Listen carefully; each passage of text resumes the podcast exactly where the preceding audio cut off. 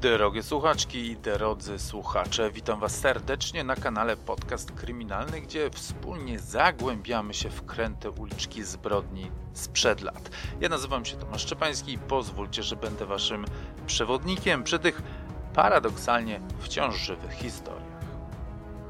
Kto słuchaczy podcastów True Crime nie słyszał o wampirze Złowicza, o bestii, która odebrała cnotę, ale i życie siedmiu, a może i dziesięciu kobietom, o cynicznym potworze, który zręczne unikał władz drugiej RP, kto wreszcie z Państwa nie słyszał o fortelu, jaki zastosował sąd, przebierając wampira w łachmany, dzięki czemu świadkowie go wreszcie rozpoznali.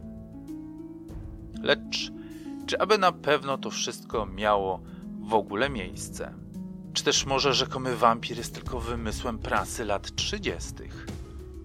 Może Tadeusz Einstein nie miał z tymi zbrodniami nic wspólnego, a zatrzymany został przez policję na skutek zbiegu okoliczności, ogólnej psychozy, którą rozdmuchała prasa i zemsty dziewczynki, którą unieszczęśliwił.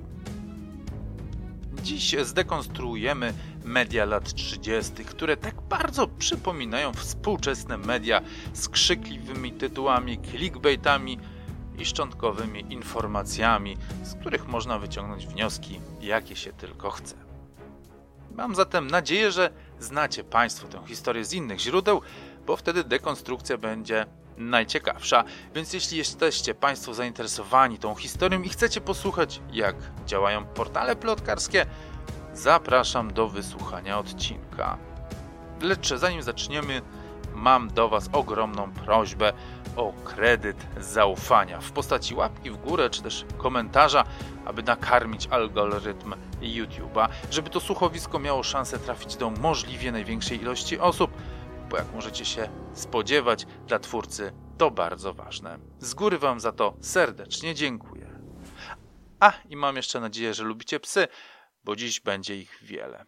Stali słuchacze wiedzą o co chodzi.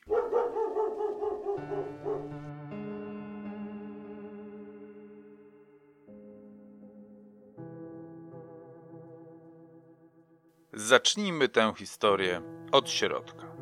16 lipca 1933 roku w Polsce od kilku dni głośno było o przestępcy, który napada na młode dziewczyny, defloruje je, a ostatecznie przecina ich nić życia. Prasa nazywała go wampirem z Podłowicza, gdyż tam zebrał największe żniwo. Jednak najpewniej stamtąd zbiegł, więc mógł pojawić się w każdym miejscu w kraju, więc w całej Polsce panowała atmosfera strachu i niepewności. 16 lipca 1933 roku Tadzio Einstein, niewysoki blondyn o dziecięcych jeszcze rysach twarzy, przystanął przed kinem i przyglądał się afiszom zaciekawiony co tam grają. Był to chłopak niespełna dwudziestoletni, ubrany w szarą, znoszoną marynarkę, a na głowie miał niebieski beret.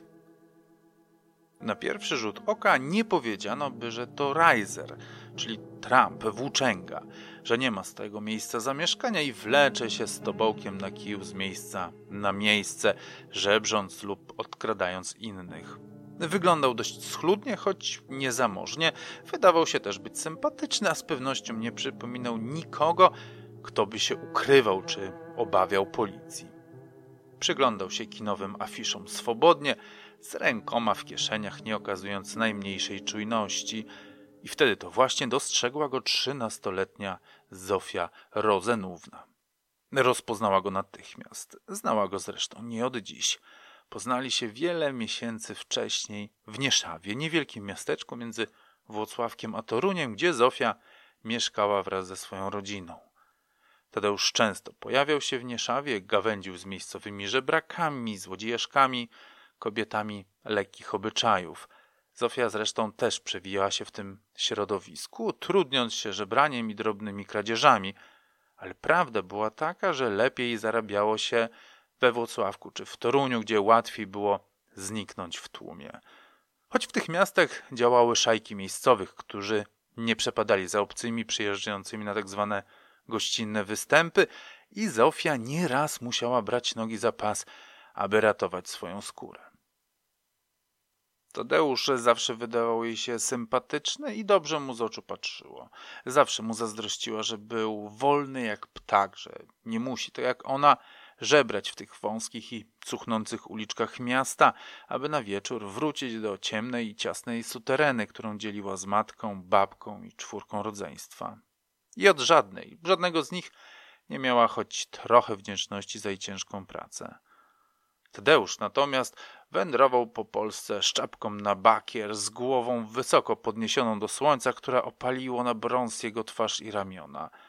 Wprawdzie też śmierdział i nosił brudne ubranie, tak samo jak i ona, ale kiedy mu się tylko zachciało, mógł wskoczyć nago do zimnego strumyka albo srebrzystego jeziora i niczym się nie martwił. Wprawdzie nie miał stałego dachu nad głową, lecz zawsze znalazł jakieś miejsce, gdzie mógł się przespać, czy to stuk siana, czy stodoła, czy kruchta kościoła. Ale to cena wolności, którą Zofia też chętnie by zapłaciła. A poza tym, co też nie było bez znaczenia, za każdym razem, kiedy pojawiał się w Nieszawie, miał na nogach nowe buty. Jakieś trzy tygodnie wcześniej, 20 któregoś czerwca, trzy tygodnie temu Tadeusz był w Nieszawie i dostrzegł spojrzenie Zofii i Kazi, jej przyjaciółki, które z zazdrością przyglądały się jego nowym pantoflom. Stanął przed nimi w rozkroku i rzekł nonszalancko: Podobają się, co? Jak chcecie, możecie pójść ze mną. Nauczę was roboty i będziecie miały na trzewiki i na nowe suknie jak bogate panny. Zofię przeszył dreszcz, kiedy przypomniała sobie tę scenę. Poczuła mieszankę lęku i złości wobec Tadeusza i raz jeszcze przyjrzała się młodzieńcowi lustrującemu kinowe plakaty. To on, pomyślała, to na pewno on. Niedaleko dostrzega znajomego żebraka. Pisze w swojej książce Seryjni mordercy drugiej RP Kamil Janicki. Pozbawionego nogi wychudłego ojca Jelonka. Zdyszana pyta go, co powinna zrobić.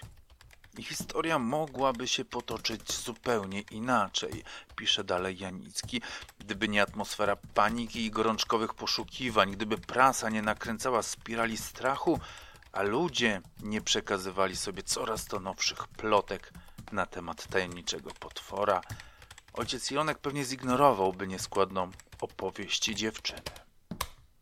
Z tym fragmentem, drodzy Państwo, mam dwa problemy. Po pierwsze, owszem, historia mogłaby potoczyć się zupełnie inaczej, a mianowicie prasa nie przypięłaby Tadeuszowi łatki wampira i dzisiaj byłby on zapomniany jak zwykły bandyta. Więc dobrze, że stało tak, jak się stało, bo ja mam materiał do podcastu. Ale drugim problemem jest dla mnie sama postać ojca Jelonka. W gazetach z tamtego okresu raczej się go nie wspomina. Domyślać się mogę, że jego postać podrasował tajny detektyw, aby wzbogacić swoją historię. W prasie można znaleźć nawet zdjęcie tegoż bohatera, który stoi dumnie obok Zofii i które Państwu właśnie prezentuję. Ale ja się zastanawiam, po co prasa w ogóle o nim wspomniała i dlaczego nadal on się pojawia. Zacytuję dalszy fragment z książki Kamila Janickiego, abyście mogli Państwo zapoznać się z rolą, jaką ojciec Jelonek odegrał w sprawie schwytania wampira Złowicza. Żebrak postąpił w sposób zupełnie nieoczekiwany, pisze Janicki. Gazety trąbiły na lewo i prawo, że policja koncentruje wszystkie siły na poszukiwaniach tajemniczego mordercy. Czytelników wzywano, by mieli się na baczności, a reporterzy powtarzali: Postarajmy się pomóc policji. I to dokładnie postanowił zrobić jednonogi jelonek. I teraz, proszę Państwa, mam nadzieję, że siedzicie. Cóż takiego uczynił jelonek, że media do dziś o nim wspominają? Uwaga, cytuję. Wskazał Zosi stojącego niedaleko policjanta i kazał natychmiast do niego iść. Naprawdę czyn godny kronik. Czy jednak rzeczywiście tak było, czy to wymysł dziennikarzy, trudno jest nam dzisiaj ocenić, ale faktem pozostaje, że zdjęcie Jelonka z Zosią przy pompie ręcznej zostało zrobione i opublikowane w prasie.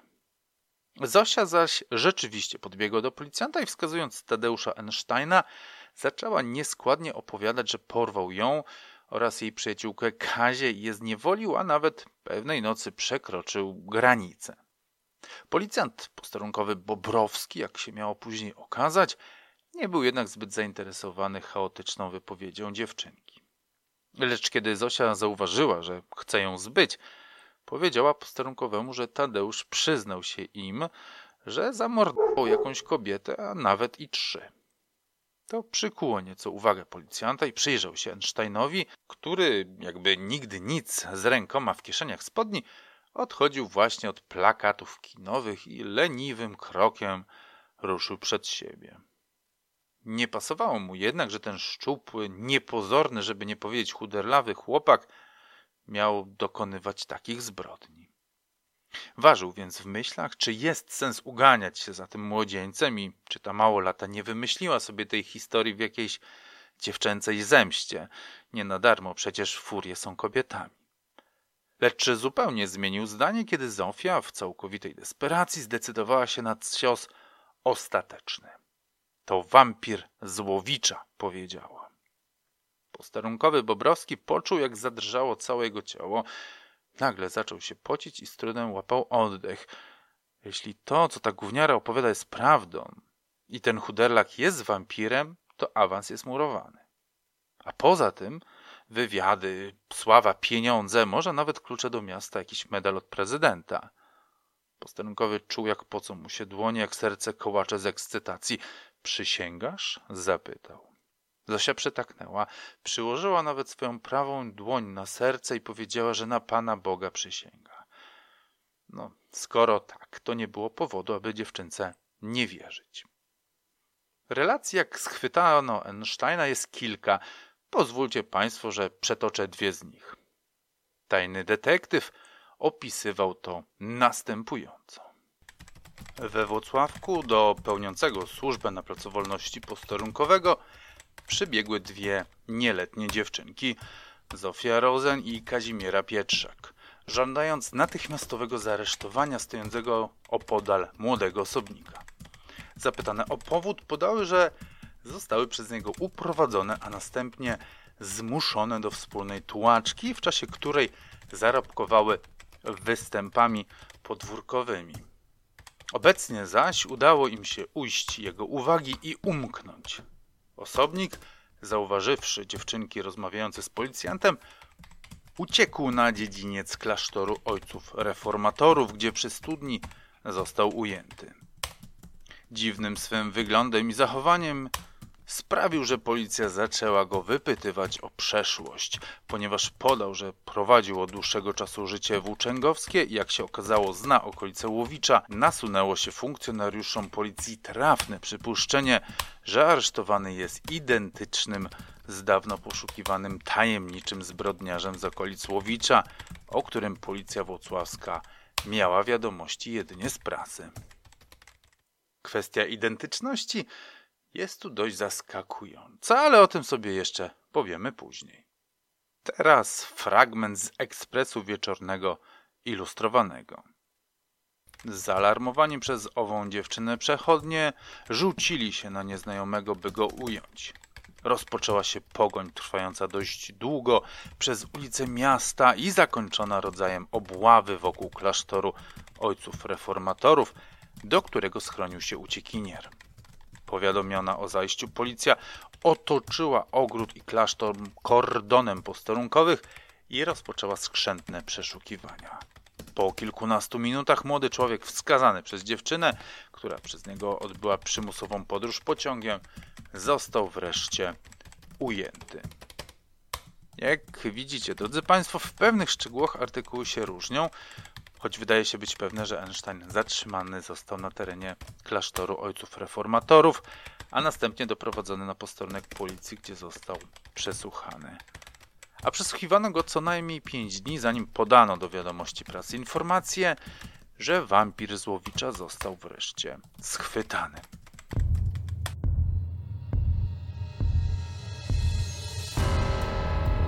Ta historia wydarzyła się naprawdę. Aby zachować jej spójność, brak niektórych faktów wypełniony został koniekturą i presumpcją. Ja nazywam się Tomasz Szczepański A to jest Kronika Kryminalna.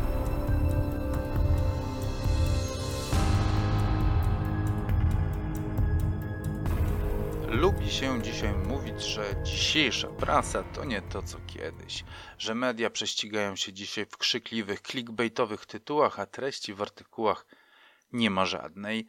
Jeśli jednak rzucimy okiem na tytuły wydawane w dwudziestoleciu, dojdziemy do wniosku, że to już było. Jak narodził się wampir Złowicza? Aby się tego dowiedzieć, musimy się cofnąć do soboty 1 lipca 1933 roku, do wsi Niedźwiady pod Łowiczem.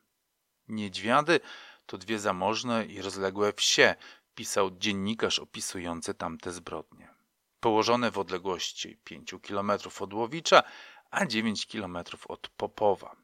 Pogodne, wesołe chałupy łowickie toną w zieleni sadów.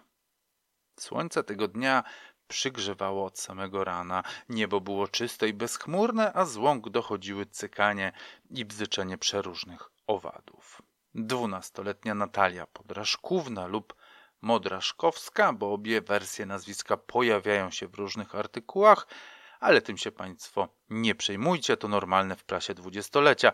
Samo nazwisko Einsteina potrafiło być w jednym artykule pisane na różnorakie sposoby oraz trzynastoletnia Aniela Okruchówna, która jak gdyby przecząc swemu nazwisku, cytując autora tekstu, dość wysoka i tęga, z ładnymi niebieskimi oczyma, wyszły paść gęsi jak co dzień.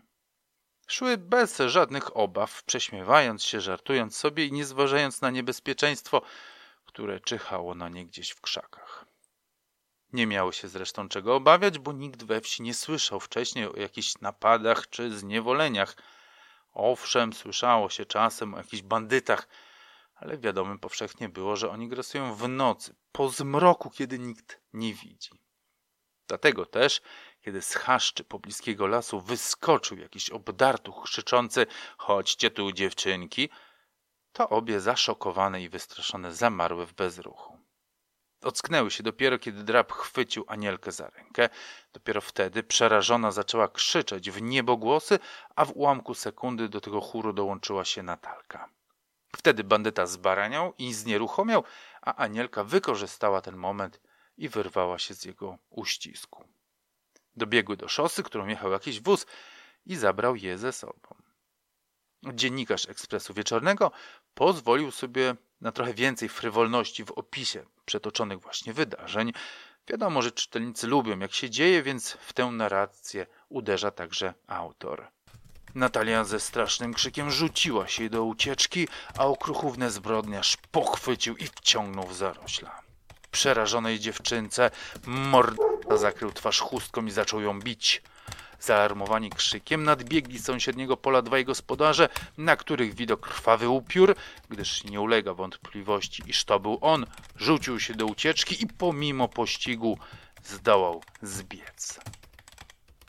Mężczyzna ten najprawdopodobniej wałęsał się później jeszcze w pobliskich lasach, szukając kolejnej białogłowy, którą mógłby, mówiąc nomenklaturą epoki, zniewolić i doprowadzić do czynu nierządnego. I rzeczywiście szczęście mu sprzyjało, bo około południa natrafił na piękną, samotną osiemnastolatkę, która zbierała kwiatki na łące. Leżąc później w szpitalu świętego nomen omen Tadeusza w Łowiczu, Aleksandra Peżówna, uczennica siódmej klasy gimnazjum żeńskiego imienia Niemcewicza, tak wspomina spotkanie ze zbrodniarzem. Wyszłam na nasze pole, by narwać kwiatów. Kiedy zbierałam kwiaty, poczułam, że do mnie ktoś podchodzi. Obejrzałam się za siebie i zobaczyłam jakiegoś mężczyznę ze strasznie przekrzywioną twarzą. Nie zdążyłam ochłonąć z pierwszego wrażenia, gdy nieznajomy krzyknął: Poddaj się! Usiłowałam uciekać, ale zbrodniarz dopadł mnie i krzyczał: Zabiję, zabiję, zabiję! Po czym uderzył mnie jakimś twardym przedmiotem w tył głowy. Straciłam przytomność, ale ciągle widziałam te strasznie wykrzywione usta zbrodniarza. Co się ze mną działo dalej, nie wiem. Obudziłam się dopiero w szpitalu. Ktoś o moim imieniu skazany jest do tego, by wątpić i nie dowierzać. Korzystając więc z tej karty, muszę powiedzieć, że nie umiem sobie wyobrazić, aby gwałciciel rzucający się na kobietę krzyczał zabije. Ba, nawet gdyby był to morderca, takich krzyków raczej by chyba nie oddawał. Obawiam się zatem, że jest to wyobraźnia autora tekstu, specyficzna licencja poetyka, którą ja się przecież posługuję. Najbardziej niesamowite w tej historii jest jednak to, że w trakcie ataku defloracji Aleksandry kilku chłopów było tego świadkami. Stali nieopodal i słyszeli krzyki w krzakach, ba, widzieli nawet człowieka w zielonokawej kurtce, jak cytując ich samych, baraszkował w zbożu, ale myśleli, że to ino żarty. Dziennikarz podsumowuje to celnie i sarkastycznie. Człowiek uszedł następnie w stronę miasta, a ofiara tych żartów leżała bezprzytomnie od dwunastej w południe do trzeciej. Aleksandra trafiła do szpitala w ciężkim stanie. Otrzymała siedem ciosów tępym narzędziem, a trzy z ran były na tyle poważne, że trzeba było przeprowadzać trepanację kości potylicznej i wyjąć kawałek kości wielkości pięciozłotówki. Gazeta Dzień Dobry podaje nawet, że perzynównie upłynęło 4 centymetry mózgu, cokolwiek to mogłoby znaczyć. I choć nie mam najmniejszego pojęcia na temat mózgu, nie znam się na trepanacjach ani w ogóle na medycynie, to zastanawiam się, czy podobna operacja mogła mieć wpływ na percepcję i pamięć dziewczyny. Ale ten temat na razie zawieszam, wrócimy do niego podczas procesu. Jak się możecie Państwo domyślać, tak straszna zbrodnia oraz napad na dwie dziewczynki w tym samym prawie czasie i niemal w tym samym miejscu spowodowała w tym niewielkim środowisku eskalację plotek i strachów, które rozprzestrzeniały się jak okręgi na wodzie, aż dotarły do prasy, do dziennikarzy, którzy dostrzegli w tym temacie potencjał i bez wahania postanowili go wykorzystać. Dziennikarz podpisujący się pseudonimem Old, szukając materiału do niedzielnego numeru gazety Dzień Dobry, natrafił na historię z Niedźwiad Podłowiczem i postanowił napisać o tym artykuł. Wprawdzie dowodów na to, aby za oboma atakami stał jeden człowiek, nie było, ale prawdopodobieństwo, że dwóch z boków biegało w jednej okolicy było niezwykle małe. Dziennikarz uznał więc, że z pewnością musi to być jeden i ten sam zbrodniarz sklecił krótki artykuł o tym, że młode dziewczęta powinny się mieć na baczności w okolicach Łowicza, bo grasuje tam jakiś niebezpieczny typ i oddał materiał naczelnemu. Ten przejrzał szybko artykuł, pomrukując zaciekawieniem, aż nagle coś zaświtało mu w głowie. A czy w tym Łowiczu, zapytał, nie było czegoś podobnego na początku roku? Dziennikarz nie pamiętał. Naczelny zlecił mu zatem przejrzenie archiwum, bo pamiętał, że był tam jakiś napad na kobietę, też młodą i też chyba doszło do nierządu. Jak się okazało, miał rację. Dziennikarz znalazł wzmianki nie o jednej, ale o dwóch kobietach, które zostały, używając nomenklatury tamtych czasów, zdeflorowane bez ich zgody. Mało tego, obie tych napadów nie przeżyły. Tytuł sam się napisał. Potworny wampir z Podłowicza. No i jeszcze clickbaitowy podtytuł. Gwałci i morduje młode kobiety. Dwie zabite, umierająca uczennica. Wczoraj znowu dwie dziewczyny ofiarami. Mieszkańcy Łowicz i okolic, pisał dziennikarz, żyją pod ogromnym wrażeniem strasznych zbrodni popełnionych ostatnio przez jakiegoś zbrodnicza, który napada i morduje samotnie idące kobiety. Wprawdzie Pierwszy z tych napadów miał miejsce na początku lutego, a drugi pod koniec maja, ale ta informacja mogłaby stworzyć wrażenie, że te zbrodnie nie muszą być ze sobą powiązane, więc dziennikarz pominął daty i napisał. Pierwszy wypadek wydarzył się na szosie przy stacji Kaliskiej. Pod mostem znaleziono zamordowaną 24-letnią mieszkankę Łowicza Władysławę Brzozowską. Dziewczynę zamordowano kilkoma uderzeniami jakiegoś tępego narzędzia w tył głowy. Na ciele jej ujawniono zadrapania i sińce, a sekcja zwłok wykazała deflorację. Nie ulegało wątpliwości, iż podłożem mordu była zbrodnia na tle seksualnym. W dwa dni później mieszkańców zelektryzowała wiadomość o drugiej zbrodni popełnionej w taki sam sposób. Ofiarą zwyrodnialca padła 25-letnia mieszkańca Łowicza Bronisława Kucharkówna. Znaleziono ją na drodze w polach. Kucharkównę również zamordowano uderzeniami w tył czaszki, a sekcja zwłok również wykazała deflorację. Przypomnieć pragnę tylko, że Władysława zginęła 10 lutego, a y, Bronisława 30 maja, a nie po dwóch dniach. Jednak chronologia zdarzeń czas w ogóle odgrywały dla prasy dwudziestolecia niewielką rolę i mam wrażenie, że były dopasowane do tezy lub potrzeby narracji. Dla przykładu, ekspres wieczorny ilustrowany z 10 lipca 1933 roku pisze o napadzie na 18-letnią Aleksandrę Perzynę, kiedy ona zbierała kwiaty i dodaje, że w dniu wczorajszym, co oznaczałoby niedzielę 9 lipca, znów dokonano napadu na przechodzące dwie dziewczynki. 14-letnią Anielę Okruchównę i 13-letnią Natalię Modraszkowską.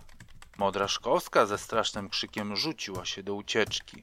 Okruchównę zaś zbrodniarz pochwycił i wciągnął w zarośla. Przerażonej dziewczynce morderca zakrył twarz chustką i zaczął ją bić. Abstrahując od tego, jak bardzo ta relacja różni się od poprzednich, które przetoczyłem, autor artykułu nie był świadomy, że działo się to jednego dnia, a nawet w przeciągu kilku godzin. Albo był tego świadomy, ale zmienił fakt na potrzeby narracji. Te szczegóły podkreślam tylko dlatego, aby uzmysłowić Państwu, że popularne media dwudziestolecia podchodziły do faktów z dużą elastycznością, a powielanie tych rewelacji bez najmniejszej refleksji uważam za pewnego rodzaju lenistwo i brak szacunku dla słuchacza czy czytelnika. I czy nie kojarzy nam się to troszeczkę z case'em Natalii Janoszek? I mówię to z perspektywy odbiorcy, a nie twórcy, bo kiedy poznałem tę sprawę, uznałem, że jest mi przekazana rzetelnie i w nią uwierzyłem i dopiero głębszy research uświadomił mi, że nic się tam nie klei.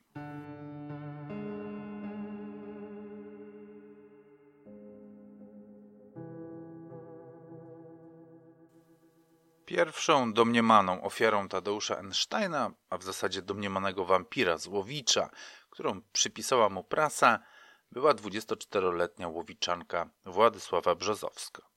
Była ekspedientką w kolejowym bufecie i jak już wspominaliśmy, zginęła 10 lutego 1933 roku od kilkukrotnego uderzenia ciężkim narzędziem w tył głowy. Jej ciało znaleziono w zaroślach przy szosie kaliskiej w okolicach stacji kolejowej w Łowiczu. Pozycja zwłok, odzież i zerwana z ofiary bielizna wskazywały niedwuznacznie na mord na tle seksualnym, donosiła jedna z ówczesnych gazet. Podczas sekcji zwłok potwierdzono, że Brzozowska została zgwałcona. Ale czy rzeczywiście był to napad na tle seksualnym, czy może próba pozbycia się kochanki i upozorowania napadu? Skąd taki wniosek? Bo po tej zbrodni policja zatrzymała cztery osoby właściciela hurtowni piwa niejakiego Dąbrowskiego, piekarza Steinerta, właściciela domu i dzierżawcę bufetu Wacława Bieńkowskiego oraz jego dozorcę. Panownie browarnik i piekarz zostali dość szybko zwolnieni, natomiast dozorca oraz pan Bieńkowski pozostawali w areszcie co najmniej do lipca, czyli prawie pół roku. Trudno powiedzieć, czy bezprawnie, czy jednak panowie mieli coś na sumieniu – Niestety tego się już raczej nie dowiemy, a przynajmniej mi nie udało się dogrzebać do tego, jak ostatecznie sprawa się ta zakończyła. Co się jednak udało ustalić, to to, że Bieńkowski był kochankiem Władysławy Brzozowskiej, która pracowała w jego bufecie. Czy zaczęła go szantażować? Czy może zakochała się w nim, a on chciał ją porzucić i ona nie chciała go odpuścić? Możemy jedynie snuć domysły. A pan dozorca był może tylko wykonawcą, a może w ogóle o niczym nie wiedział, a może oni nie mają z tym jednak nic wspólnego. Prawdy, jak wspomniałem, z pewnością nigdy nie poznamy, jako że to sprawa sprzed prawie stu lat. Ale wiązanie w ten napad Tadeusza Einsteina jest nieco naciągane. Nie mówię, że nie mógł tej zbrodni popełnić. Mówię jedynie, że nie ma najmniejszej poszlaki, aby go z tym połączyć. Mało tego, domniemany wampir Złowicza, ten co w lipcu zaatakował trzy dziewczyny, też nie ma najmniejszego związku z tym nocnym napadem pod Błowiczem sprzed pół roku. To po prostu zupełnie inne zbrodnie. Choć jak rozumiem, dla prasy brukowej tamtych lat nie miało to znaczenia. Druga zbrodnia, którą prasa przypisała Einsteinowi, trzeba to przyznać, przypominała już te zbrodnie w Niedźwiadach. Miała miejsce 30 maja w Popowie niedaleko Łowicza, choć nie możemy być pewni te, tego miejsca, bo źródła różnie podają. Pozwólcie Państwo, że posłużę się cytatem prasy tamtych czasów. Pole jak pole, pokryte trawą i kwieciem, pogodne i wesołe, w promieniach słońca skąpane, a jednak tu właśnie znaleziono przed miesiącem zwłoki robotnicy 25-letniej Bronisławy Kucharkówny. Już pobieżne oględziny wykazały, że śmierć nastąpiła wskutek uderzenia żelazem w tył czaszki. Dalsze badania ujawniły, że kucharkówna przed zbrodnią została zniewolona, stąd niemal pewność, że morderstwo dokonano na tle seksualnym. Kucharkównę znaleziono w pobliżu domu, w którym mieszkała w Popowie. Wskazywałoby to, że zbrodniarz obserwował uprzednio kucharównę i czekał na moment, że znajdzie się sama w polu i tam dokonał napadu. Pola popowskie znajdują się przy drodze Łowic-Sochaczew w odległości kilku kilometrów od Zielkowic, gdzie znaleziono trupa Brzozowskiej. I w tym drugim wypadku śledztwo utknęło w martwym punkcie i dopiero zbrodnia pod wsią Niedźwiady pobudziła na nowo czujność policji. Ale czy obie zbrodnie, poza okolicą, w której się rozegrały, coś łączy? Ja osobiście żadnych związków tam nie dostrzegam. Mam po prostu wrażenie, że chodziło o temat, o sensację. Zresztą dostrzec możemy tutaj też pewien polski kompleks tęskniący za Zachodem. Bo media bardzo szybko zaczęły naszego łowickiego wampira porównywać do niejakiego Petera Kürtena, wampira z Düsseldorfu. Była to postać wówczas bardzo znana, seryjniak, któremu udowodniono dziewięć morderstw, za które otrzymał zresztą dziewięciokrotną karę ostateczną. A temat był wówczas wciąż bardzo gorący, bo Kürtena stracono zaledwie dwa lata przed opisywanymi tutaj wydarzeniami. Tak swoją drogą, jeśli byliby Państwo zainteresowani tą historią o wampirze z Düsseldorfu, dajcie proszę znać w komentarzach. Niemniej, w tej tęsknocie do posiadania własnego wampira media zaczęły porównywać gwałciciela Złowicza do wspomnianego Kürtena, co odważniejsi pisali nawet o naśladowcy wampira z Düsseldorfu. Jaki związek, pytacie? Clickbait, proszę Państwa, clickbait.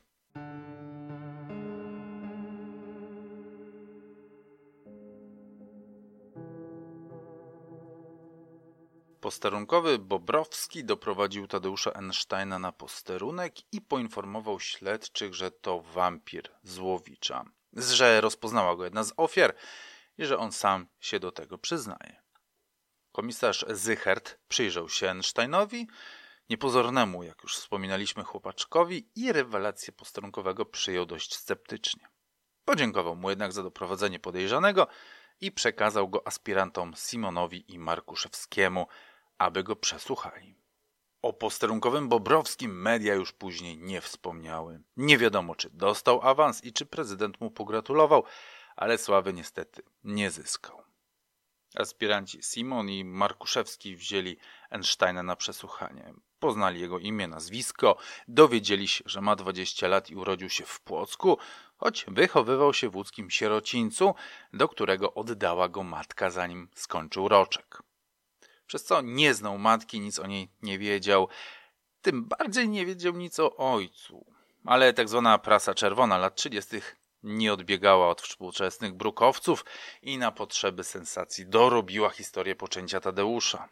W ekspresie ilustrowanym wieczornym czytamy rzekomą wypowiedź Tadeusza Einsteina. Mszczę się za matkę, która również została zgwałcona. Zgwałcił ją żołdak rosyjski i ja właśnie przyszedłem potem na świat. Inne gazety, podbijając tę kontrowersję, pisały nawet nie o jednym żołdaku, ale że matkę zniewoliło kilku rosyjskich żołnierzy. Tych rewelacji jednak nie ma jak potwierdzić i szczerze mówiąc, w moim mniemaniu należałoby je włożyć między bajki, bo skoro Tadeusz od dziecka, od pierwszego roku życia mieszkał w domu dziecka, i nie znał swojej matki, to raczej mało prawdopodobne jest, aby znał prawdę o swoim ojcu. Śledczy Simon i Markuszewski zresztą tej sprawy także nie roztrząsali. Skupili się bardziej na tym, gdzie Einstein mieszka i czym się zajmuje. On przyznał się do tego, że nie ma stałego miejsca zamieszkania. Wędruje, powiedział. Trochę pieszo, trochę koleją. Ostatnio byłem w Poznańskim, w samym Poznaniu, później na Pomorzu, w Toruniu byłem. A w Łowiczu? zapytał aspirant Markuszewski. Einstein zastanowił się chwilę, pokiwał głową. W Łowiczu też był. Tak, też ostatnio, ale nie umiałby powiedzieć, czy miesiąc temu, czy dwa tygodnie. Na pytanie, czym się zajmuje, też odpowiadał wymijająco. Mówił, że różne rzeczy robił, że nawet książeczki do nabożeństwa sprzedawał, ale i ukraść mu się zdarzyło. Byłeś karany? zapytał inspektor Simon. Dwa razy odparł szczerze Einstein. Za kolej. To znaczy za kolej? Jak się wędruje po Polsce, to nie zawsze chce się chodzić piechotą, powiedział Tadeusz. Więc jechałem na zająca w pociągach, no i mnie złapali.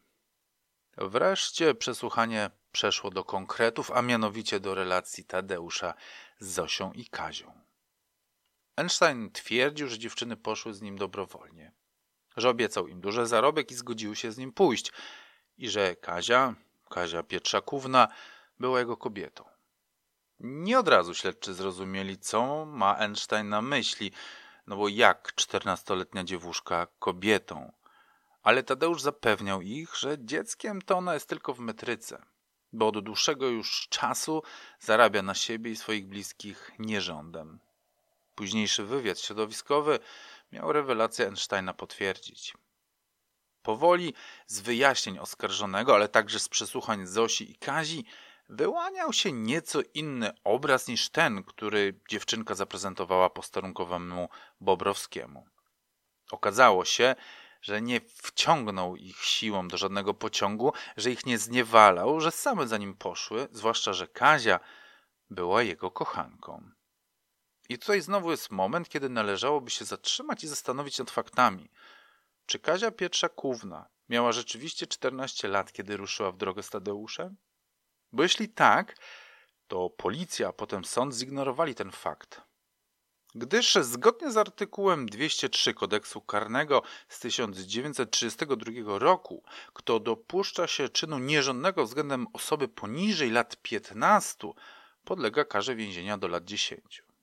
I pozwólcie Państwo, że zaspoiluję nieco akt oskarżenia, bo nie znalazła się w nim sprawa Kazi Pietrzakówny. A podejrzewam, że gdyby Kazia miała mniej niż te 15 lat, to bez względu na to, czy dobrowolnie, czy pod przymusem spółkowała z Tadeuszem, powinien on być za ten czyn nierządny, skazany, a co najmniej oskarżony. Przyglądając się jednak fotografii Kazi, którą Państwu teraz też prezentuję, odnoszę wrażenie, że jej wiek został przez prasę ze względu na lepszą klikalność nieco obniżony. Może sama twierdziła, że ma zaledwie 14 lat, a potem nikt tego nie weryfikował, a może taki wiek bardziej pasował do narracji.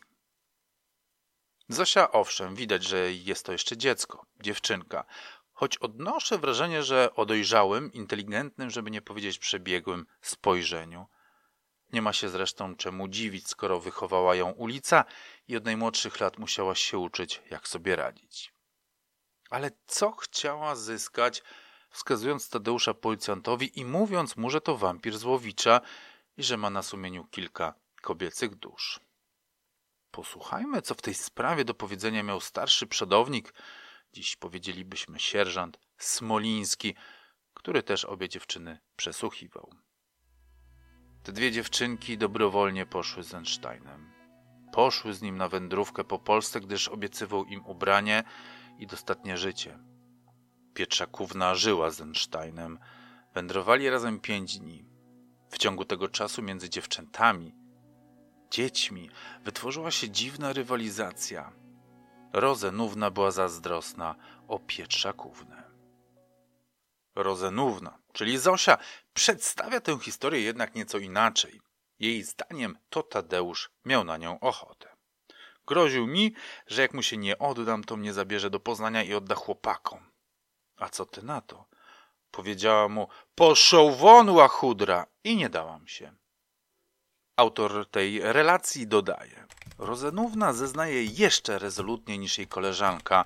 Ma dopiero 13 lat, ale to dziecko ulicy, które poznało życie z najgorszej strony. Jest ona jedynym świadkiem, który zeznaje niezaprzysiężone z powodu zbyt młodego wieku. I moi drodzy Państwo, to niezaprzysiężenie może tu być nie bez znaczenia, bo Zosia nie odpowiadała w żaden sposób za słowa, które wypowiadała. Mogła więc kłamać. I najprawdopodobniej sąd nie, nie uwierzył jej zeznaniom, bo żaden wyrok w tej sprawie nie zapadł. Mało tego, nawet w akcie oskarżenia nie było mowy o zniewoleniu Zofii Rozenówny czy próbie gwałtu. Zatem najwyraźniej także prokuratura nie uznała oskarżeń Zofii czy Kazi za wiarygodne. Obie dziewczyny zeznawały jako świadkinie, ale mam wrażenie, że ich zeznania były co najwyżej pomocnicze i nikt tak naprawdę nie brał ich na poważnie. Kazia zeznawała na przykład, że Tadeusz opowiadał jej o morderstwach, jakich dokonał na kobietach, które nie chciały z nim spółkować. Jedną miał pobić, inną dziabnąć sztyletem, jeszcze inną zrzucić z mostu. Ale żadna z tych historii nie znalazła potwierdzenia. Sam Tadeusz zresztą też się do nich nie przyznawał. No ale właśnie, ku zdziwieniu śledczych, którzy go przesłuchiwali, Tadeusz przyznał się do zbrodni, która rzeczywiście miała miejsce, a której policjanci mu nie przypisywali. Chodzi o Marię Lisiewską lub Liszewską, gdyż i to nazwisko jest różnie zapisywane. Ale o tym za chwilę.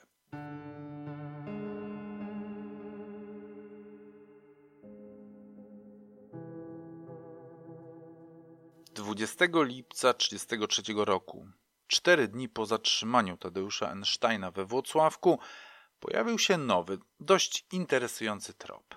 Gazety pisały wtedy. Zagadka wampira grasującego na terenie Łowicza jest w dalszym ciągu jeszcze nierozwiązana. Szczegóły śledztwa trzymane są na razie w ścisłej tajemnicy. Jak się obecnie okazuje, policja aresztowała pewnego mężczyznę zamieszkałego w Łowiczu, podejrzanego o dokonanie szeregu krwawych mord na kobietach. W czasie rewizji przeprowadzonej w mieszkaniu aresztowanego znaleziono dwie siekiery. Jak ustalono, siekiery te były poplamione krwią, a następnie obmyte wodą, przy czym trzon jednej siekiery został obskrobany szkłem. Ponadto znaleziono ubranie należące do zatrzymanego, które było poplamione. Istnieje poważne podejrzenie, że są to plamy krwi. Znalezione przedmioty przesłano do Warszawy, gdzie obecnie są badane przez lekarzy. Celem tych badań jest ustalenie, do jakiej grupy należą ślady krwi znalezione na siekierach i ubraniu zatrzymanego.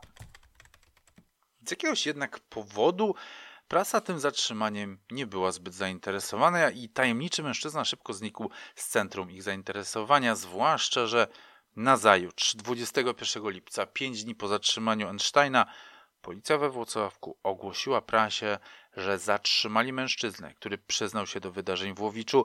Jest wielce prawdopodobne, że to on właśnie za nimi stoi.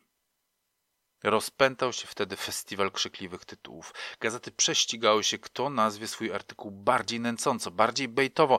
Na pierwszych stronach gazet można było zobaczyć takie tytuły jak Upiór Łowicza w kajdanach. Poznała go jedna z ofiar we Włocławku. Potwór przyznał się do wszystkich gwałtów i mord.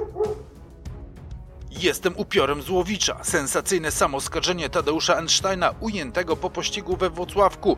Einstein ma też na sumieniu mord erotyczny pod Włocławkiem. Ponura spowiedź wampira z Łowicza. Zbir podał listę swych ofiar. Wszystkie dziewczęta w czasie konfrontacji poznały w nim napastnika. Tłum chciał dokonać samosądu nad zbrodniarzem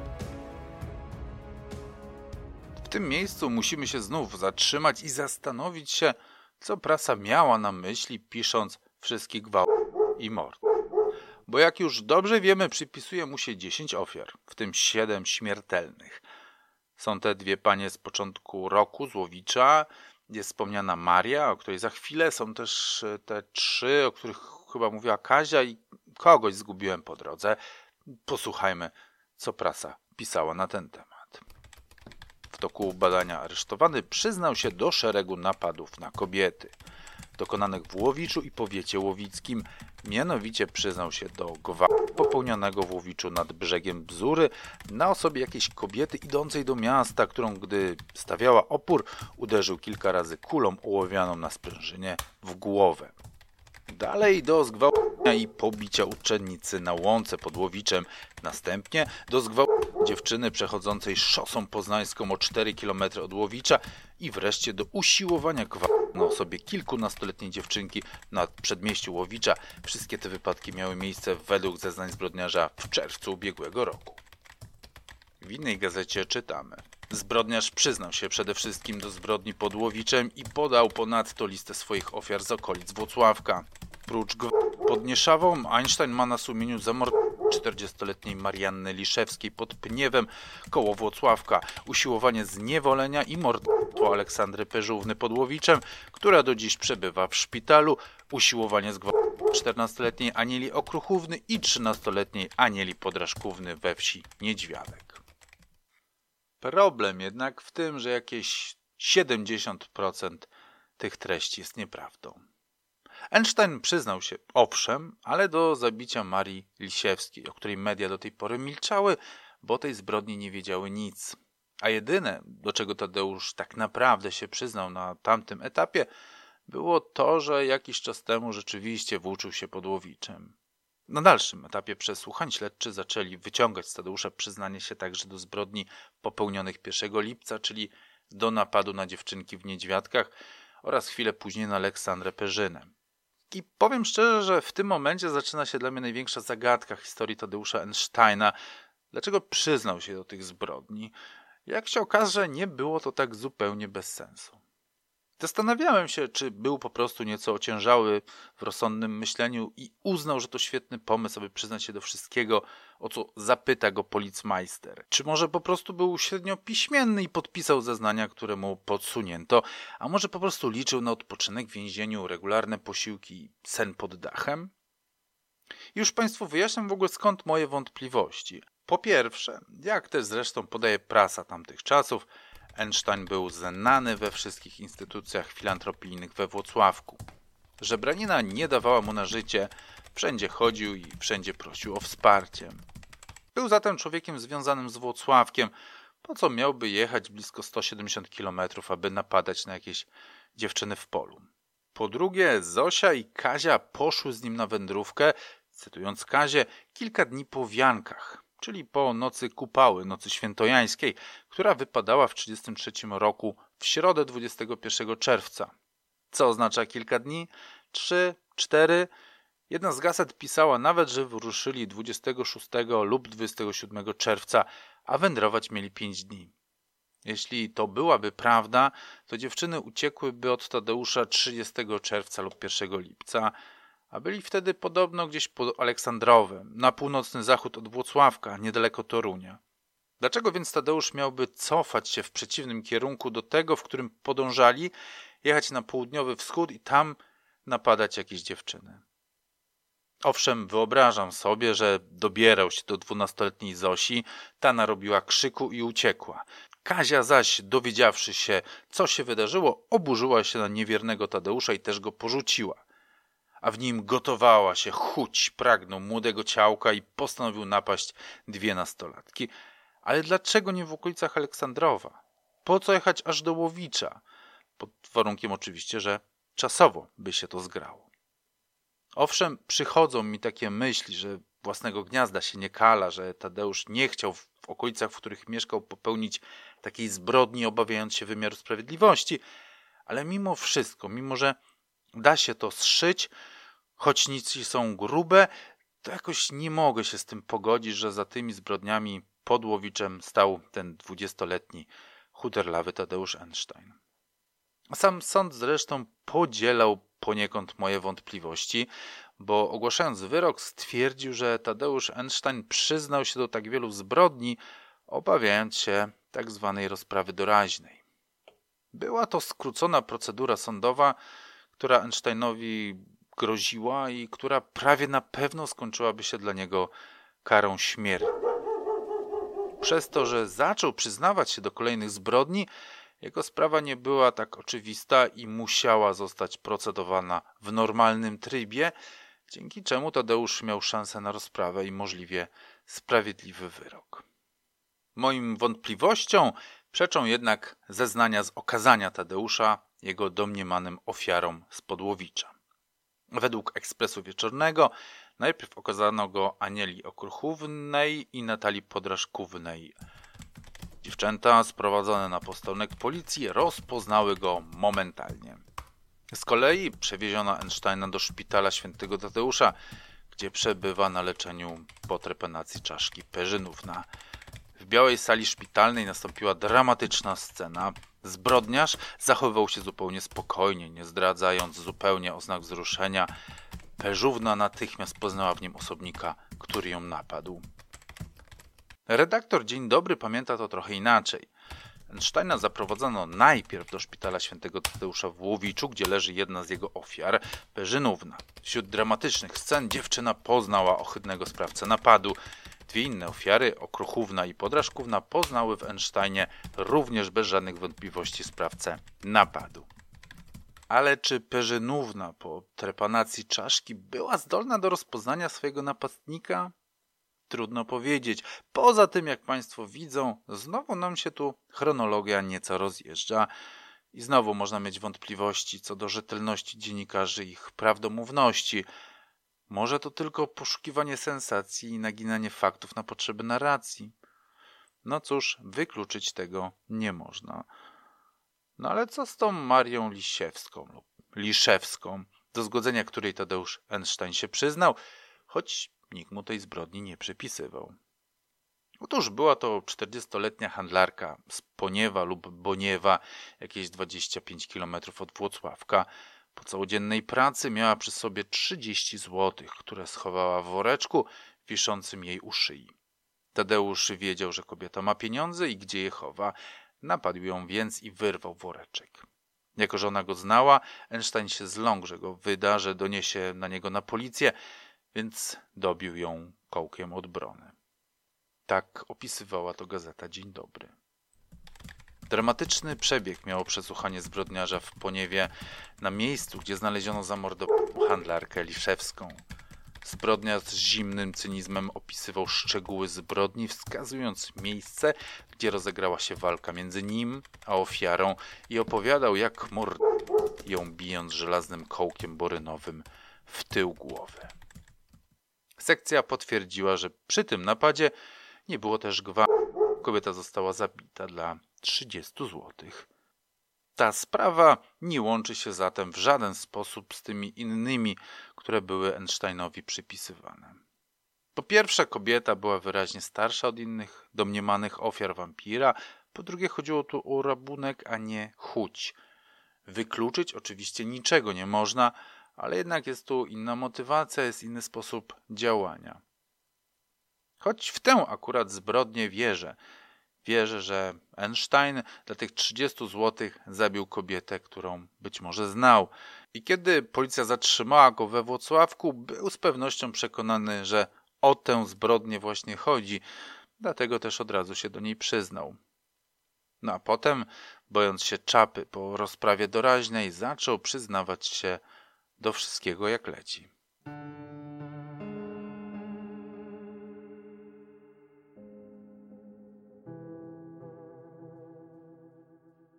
Tadeusz Einstein przesiedział w areszcie 13 miesięcy.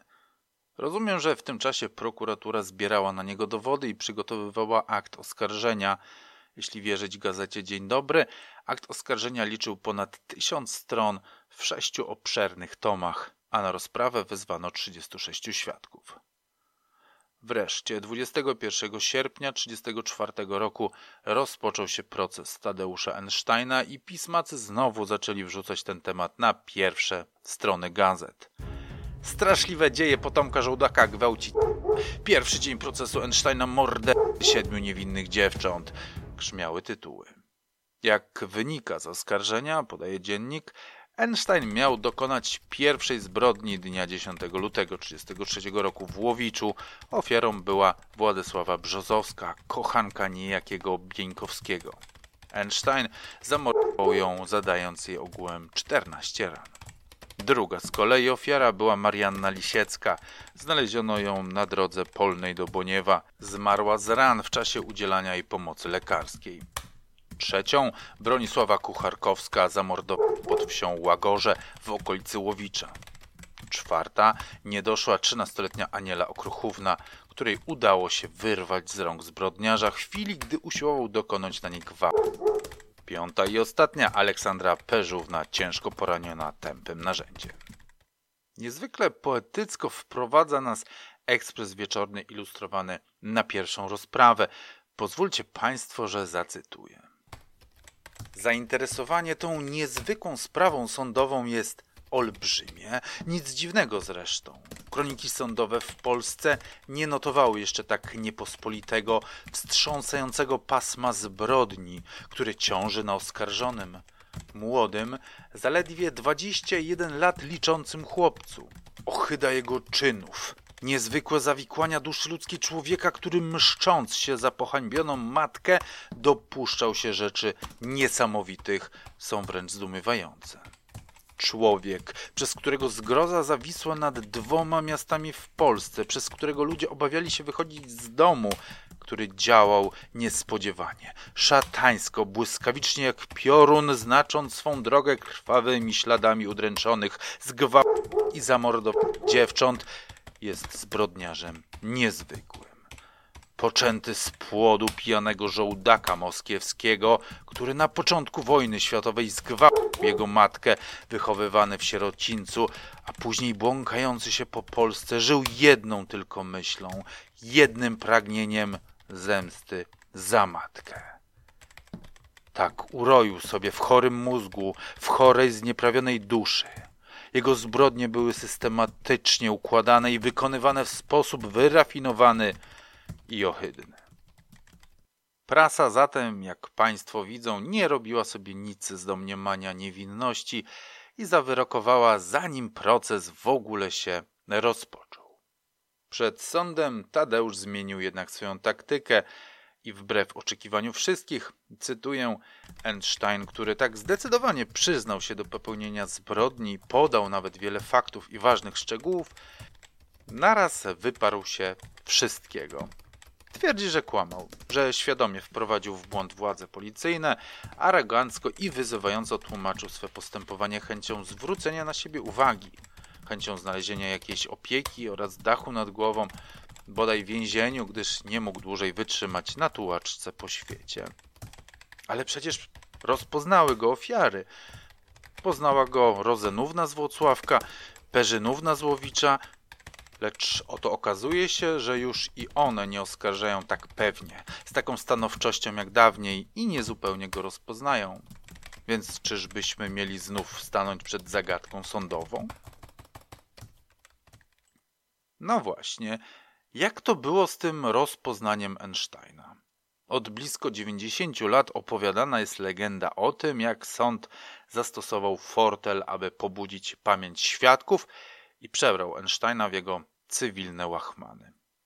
Posłuchajmy najpierw, jak to w swojej książce opisał Kamil Janicki, bo to chyba najbardziej obrazuje, do jakiego znaczenia urosła ta anegdota, której źródłem najpewniej jest tajny detektyw, sensacyjny brukowiec kryminalny lat 30., który, co znamienne, został zamknięty w 1934 roku. Janicki pisze, że Einstein na rozprawie był ogolony, schludny, dobrze odżywiony, nosił czysty, więzienny kaftan. Wszystko zdawało się iść po myśli oskarżonego, aż nagle sędzia wydał decyzję, która zepchnęła proces na zupełnie nowe tory. Świadkowie stale mieszali się w zeznaniach, mieli wątpliwości. Przewodniczący Paczowski zarządził więc, by dostarczono strój, w którym włóczęga został ujęty przed rokiem. I nakazał aresztantowi przebrać się w te łachmany. Einstein ociągał się, czując chwiejącą się podstawę jego obrony, zaznaczono w tajnym detektywie. Nie mógł jednak odmówić. Kiedy zaś ukazał się w rajzerskim, zniszczonym ubraniu, zeznania świadków zaczęły przybierać bardziej stanowczy charakter. Przede wszystkim zaś Ola Perzyna doszła do wniosku, że nie kto inny, ale Einstein był typem z wykrzywioną twarzą, który niemal pozbawił ją życia. Piękny i emocjonujący fragment, ale jak było naprawdę? Zacznijmy od czystego więziennego kaftana. Ekspres wieczorny widział to inaczej. Po chwili wprowadzają Einsteina. Jego widok budzi zdumienie. Niski, szczupły, blady chłopiec, tak słaby na pozór, że trudno po prostu zrozumieć, w jaki sposób mógł on dopuścić się tak straszliwej, długiej serii zbrodni seksualnych. Szary więzienny strój, Einstein nie ma własnego ubrania, podkreśla upiorną bladość jego twarzy. Więc chyba w tym więziennym kaftanie nie wyglądał jakoś bardziej inaczej niż Trump. Posłuchajmy, jak wspomniany fortel opisywała gazeta Dzień Dobry. W toku przewodu sąd wysłuchał zeznań szeregu świadków, z których na uwagę zasługują pełne wahania niezdecydowane odpowiedzi dziewcząt. Zeznania ich nie wnoszą do sprawy nic nowego, bowiem nie mogą one poznać w Einsteinie napastnika. Wahają się, z trudem wybąkują zeznania, co chwila cofając się, tłumacząc zapomnieniem. Sąd każe przebrać Einsteina w jego ubranie cywilne. Za chwilę na ławie oskarżonych zasiada chłopak w szarej kurtce, czarnych spodniach i żółtych, przydeptanych półbucikach. Ta transformacja nieco pomaga, ale zeznania są w dalszym ciągu chwiejne i trudno wysnuć z nich jakiekolwiek wnioski. Zanim pójdziemy dalej, przypomnijmy sobie, jak opisywały zbrodniarza napadnięte dziewczyny na początku lipca 1933 roku i jak komentowała to prasa. Udaje nam się powoli odtworzyć rysopis wampira. Miał zielonkawą, dobrze wypaloną, czyli spowiałą kurtkę, czapkę z daszkiem i buty z cholewami. Ten rysopis zgadza się mniej więcej z tym, co podała Perzynówna. Twarz zbrodniarza, szerokie wykrzywione usta i czarny angielski wąs. Jeśli wąs miałby być prawdziwy, to gdzie na twarzy dwudziestoletniego Tadeusza? Zresztą, gdzie buty z cholewami, a żółte przydeptane półbuciki, gdzie czapka z daszkiem, kiedy go znaleźli z beretem?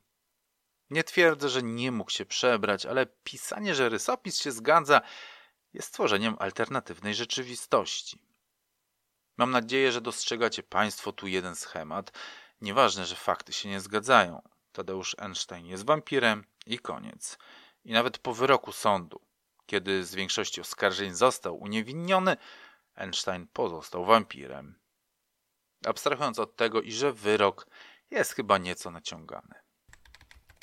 W imieniu Rzeczpospolitej Polskiej Sąd Okręgowy w Toruniu, Wydział Zamiejscowy we Włocławku po rozpoznaniu sprawy Tadeusza Einsteina postanawia uznać Tadeusza Einsteina winnym zarzucanych mu przestępstw i skazać go za zabójstwo Marii Lisiewskiej na 15 lat więzienia, za zniewolenie Anieli Okruchówny na 2 lata więzienia, za usiłowanie zabicia i zniewolenie Aleksandry Perzynówny na 15 lat więzienia. Wobec zbiegu przestępstw sąd postanawia skazać Tadeusza Einsteina na łączną karę 15 lat więzienia i pozbawienie obywatelskich, honorowych i publicznych praw na przeciąg lat 10. Dotychczasowego aresztu nie zaliczyć i z pozostałych oskarżeń uniewinnić. W motywach wyroku sąd stwierdza, że początkowe przyznawanie się Einsteina do wszystkich zbrodni należy tłumaczyć obawą oskarżonego przed grożącą mu rozprawą doraźną. Chcąc przedłużyć śledztwo, wprowadził w błąd policję. Trzy zbrodnie zostały jednak potwierdzone i na tej zasadzie sąd wydał wyrok skazujący. Wyrok jest łagodny, gdyż sąd wziął pod uwagę, że Einstein był zaniedbanym moralnie i bez opieki od wczesnych lat. Ile lat spędził Einstein w więzieniu i czy z niego kiedykolwiek wyszedł, nie jesteśmy w stanie powiedzieć. Pięć lat po jego zamknięciu Polska została napadnięta, a nazwisko Einsteina nie brzmiało aryjsko. Na zakończenie chciałbym jeszcze dodać, że rajzerów, takich jak Tadeusz, czyli włóczęgów, kolejowych trampów, było w tamtych czasach tysiące, jeśli nie dziesiątki tysięcy. Kamil Janicki, opierając się na tygodniku ilustrowanym, pisze w swojej książce Trampy polskich dróg, uboczny produkt tamtych czasów, były to wagabundy przymierzające kraj wszerz i wzdłuż, od Bałtyku do Karpat, od Dniestru aż po Wartę. Ludzie pozbawieni domu, dobytku i zajęcia. Jedni włóczyli się z głodu i desperacji. Drudzy ze wstrętu do roboty na cudzy rachunek utrzymywali się z żebraniny, a gdy nie dawano im po dobroci, to kradli. Spali w stogach siana, pod szopami w lesie, z rzadka tylko godzili się najmować do dorywczych prac. Woleli, by karmiono ich za darmo, z dobroci serca bądź ze strachu. Ja osobiście wierzę, że Einstein zabił Marię Lisiewską, wierzę, że dobierał się do Zosi i sypiał z Kazią, ale czy był w Łowiczu lub pod Łowiczem 1 lipca? Mam ogromne wątpliwości. To mógł być każdy inny z dziesiątek tysięcy wędrujących po Polsce Trumpów. A co Państwo sądzą na ten temat? Napiszcie w komentarzu i oczywiście zachęcam do łapki w górę, a zwłaszcza do subskrypcji kanału, jeśli nie chcieliby Państwa, by umknęły Wam kolejne opowieści podcastu kryminalnego. Na dzisiaj to wszystko. Serdecznie Państwu dziękuję za wysłuchanie do końca i do usłyszenia następnym razem. Pa!